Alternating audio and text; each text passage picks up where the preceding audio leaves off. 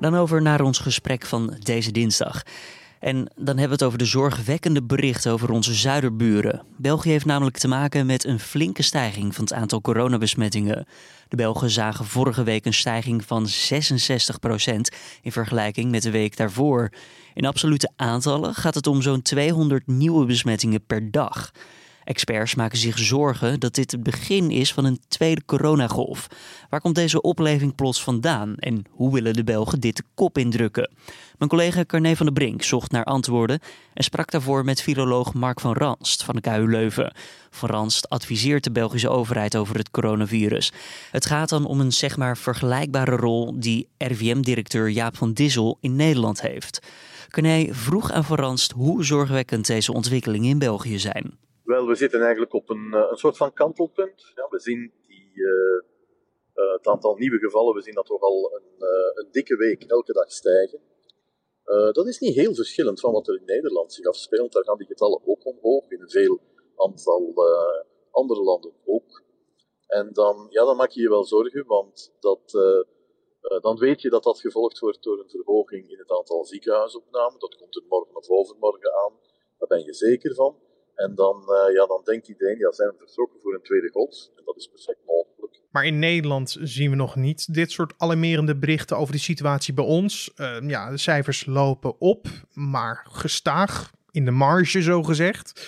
Waarom zijn er dan nu zoveel zorgwekkende berichten over de Belgische situatie?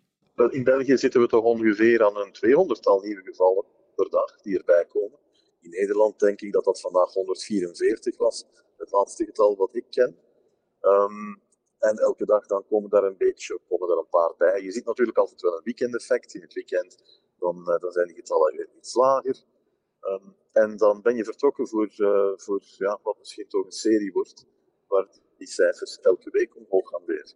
Want in Nederland eh, zagen we dat we altijd op de dinsdag pas echt de omvang zagen van de golf. Dit doordat de cijfers uit het ziekenhuis in het weekend altijd trager bekend zijn. Geldt dat ook voor België? Ja, dat is net hetzelfde. En eigenlijk dat is iets waar ik mij enorm lastig in kan maken.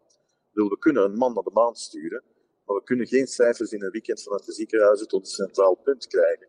En dat, uh, dat, dat baart me even goed zorgen. En waar zijn die zorgen dan op gebaseerd? Dat je niet echt duidelijk nu kan weten hoe groot de omvang van het probleem is? Wel, bij een epidemie dan heb je zelden tijd te verliezen. Dat betekent dat je altijd wil werken met de meest actuele cijfers. En dan wil je niet wachten tot dinsdag om, een, uh, om ergens een beeld van te krijgen. Zeker als je te maken hebt al met twee weken, zogezegd, incubatietijd. Wel, dat klopt, ja. Dus, dus je, je, je hebt al zo weinig aangrijpingspunten. We hebben geen vaccin, geen antivirale middelen op dit moment beschikbaar. Dus het enige wat je kan doen is proberen met, door gedragsveranderingen bij de bevolking om bepaalde dingen uh, ja, wat scherper te stellen en een epidemie naar beneden te halen. En dan wil je toch altijd wel sturen met een, uh, een klaar zicht op, uh, op de horizon. Ja, want hoe verklaart u deze opleving van het virus? Dat is makkelijk te verklaren. Er zijn twee verklaringen voor. Eén, uh, mensen denken dat de epidemie gedaan is. Ja, 8 juni, toen ging de horeca open en dat waren in België een beetje de bevrijdingsfeesten. En dan, ja, dan trekken we ons minder aan van het virus. Het probleem is, het virus trekt zich nog wel iets aan van ons. En dan, dan krijg je een verhoging van het aantal getallen. Dus meer mensen zien elkaar en dat is nu juist wat het virus nodig heeft. Natuurlijk, een tweede factor is het, uh, het reizen, de vakanties. Mensen gaan op vakantie, uh, zien weer andere mensen daar, gaan vaak feesten en dan, uh, ja, dan verhoog je ook de kans op overdracht van het virus. Maar u zegt ja, op het moment dat er versoepelingen waren, dat, dat voelde als een soort bevrijdingsfeest. Merkt u dat nu ook uw mede-Belgen dan ook de regels een stuk minder serieus nemen? dat merk je overal, ja. Dat merk je in het straatbeeld. Uh, daarom dat we een, uh, een, paar weken geleden, en hebben hard voor moeten duwen, dat we dan uh, het masker dragen in de winkels toch weer terug, of toch ingevoerd hebben. Dat, dat is een kleine moeite, maar, maar ook een heel visibel signaal van, oh, dit is nog niet gedaan. Um, en we zetten toch meer in op het verkleinen van de kans op overdracht in um, ruimten, binnenruimten, waar eventueel door aerosolvorming toch ook uh, transmissie kan gebeuren. Maar zijn er echt al brandhaarden in België aan te duiden of is het verspreid? Um, wel, het is over het ganse land, maar het zijn, het zijn toch nog haarden die vaak in, uh, in families liggen. Ja, de ja, families zien elkaar ook wel meer tijdens de vakantieperiode. onze bubbel, zoals we dat dan noemen, is van een paar mensen. Van het kerngezin is die uitgebreid tot tien, dan later vijftien mensen. En dat, is een, dat zijn een heleboel mensen. En dus we zien nu dat er veel in, op familiefeesten overdracht is. Um, maar ook bij terugkeerders, mensen met een dubbele nationaliteit, die toch naar Turkije of, uh, of Israël zijn gereisd en dan terugkomen en niet in quarantaine gaan, daar zien we toch ook wel wat outbreaks.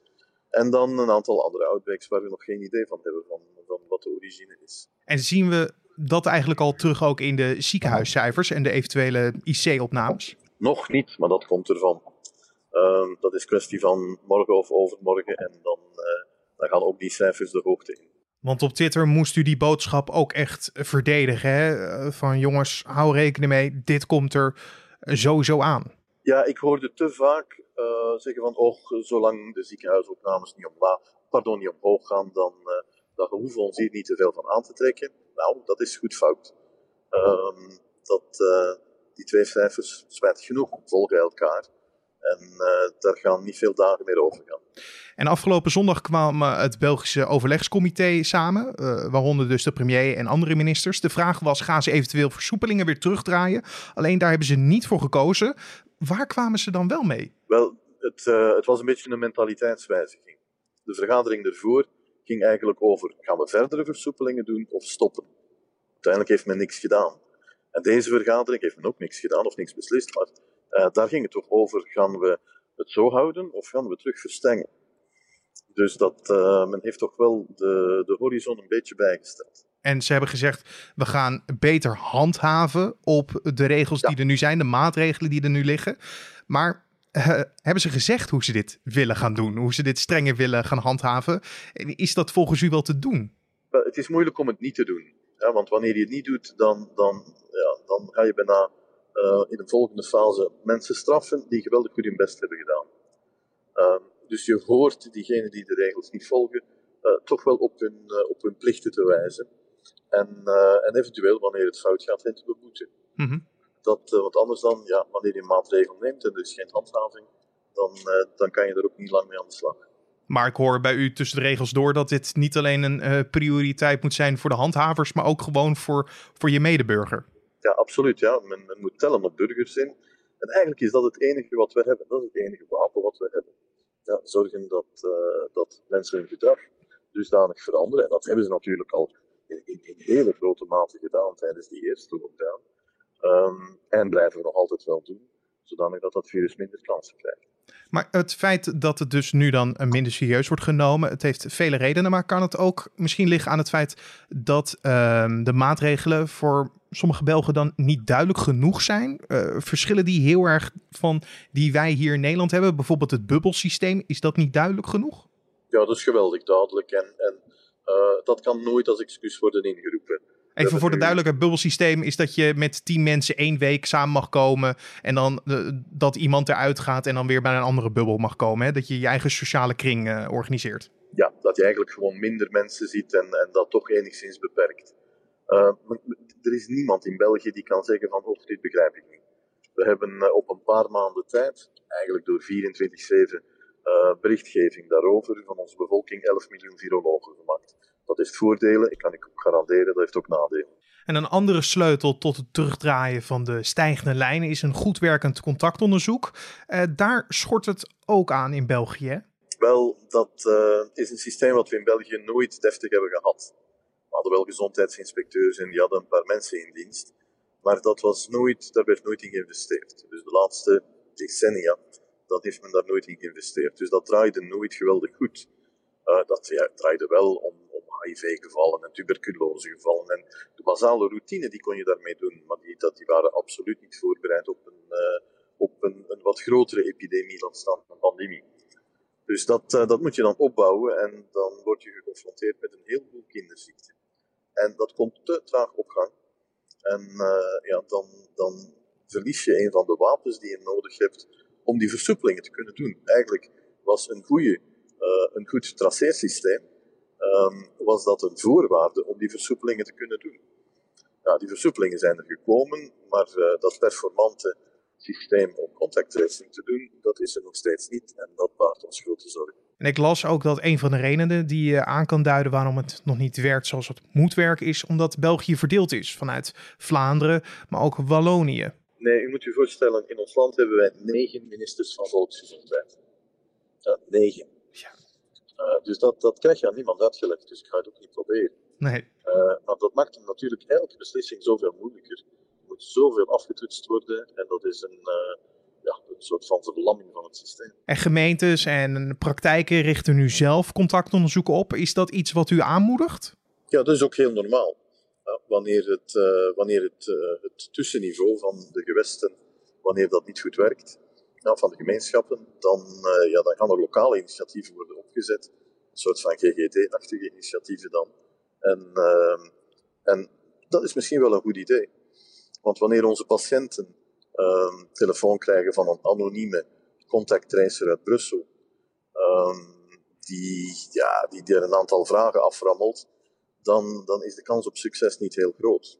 Hm. Wanneer dat de huisarts is die dat doet, dan, dan heb je automatisch een vertrouwensband. En dan kan die huisarts behalve vragen stellen ook vragen beantwoorden. En dan loopt dat wat, uh, wat vlotter allemaal. Maar denkt u dat de huidige situatie in België echt moet dienen als een wake-up call voor de Belgen, maar ook andere landen, waaronder Nederland? Wel, dat, uh, dat virus maakt heus geen onderscheid tussen Belgen of Nederlanders. En, uh, en dus ja, dan, dan komen jullie ook wel aan de beurt. Er is geen magische formule om dat tegen te houden. Uh, ook in Nederland komen mensen veel meer samen dan, uh, dan een paar maanden geleden. En ook in Nederland, dan, dan gaan er mensen terugkomen van op reis. Het is een kwestie van tijd, hoor ik u zeggen. Dat is maar een kwestie van tijd. Maar concluderend zou u kunnen zeggen dat België nu in een race is terechtgekomen om een tweede coronagolf te voorkomen? Uh, daar zitten wij aan. Ik denk dat we een, een, weekje de tijd hebben om te weten welke richting dit gaat uitgaan. Um, wanneer we nu met z'n allen die maatregelen beter volgen, um, wat beter handhaven, dan, uh, en dat lukt, dan, ja, dan zullen we die cijfers stuk zien stagneren en dan maken we ons minder zorgen. Wanneer die blijven omhoog gaan, dan, uh, ja, dan krijg je terug intensive care toestanden en dat wil je niet. Daar hoorde je viroloog Mark van Ranst van de KU Leuven in gesprek met mijn collega Carne van der Brink.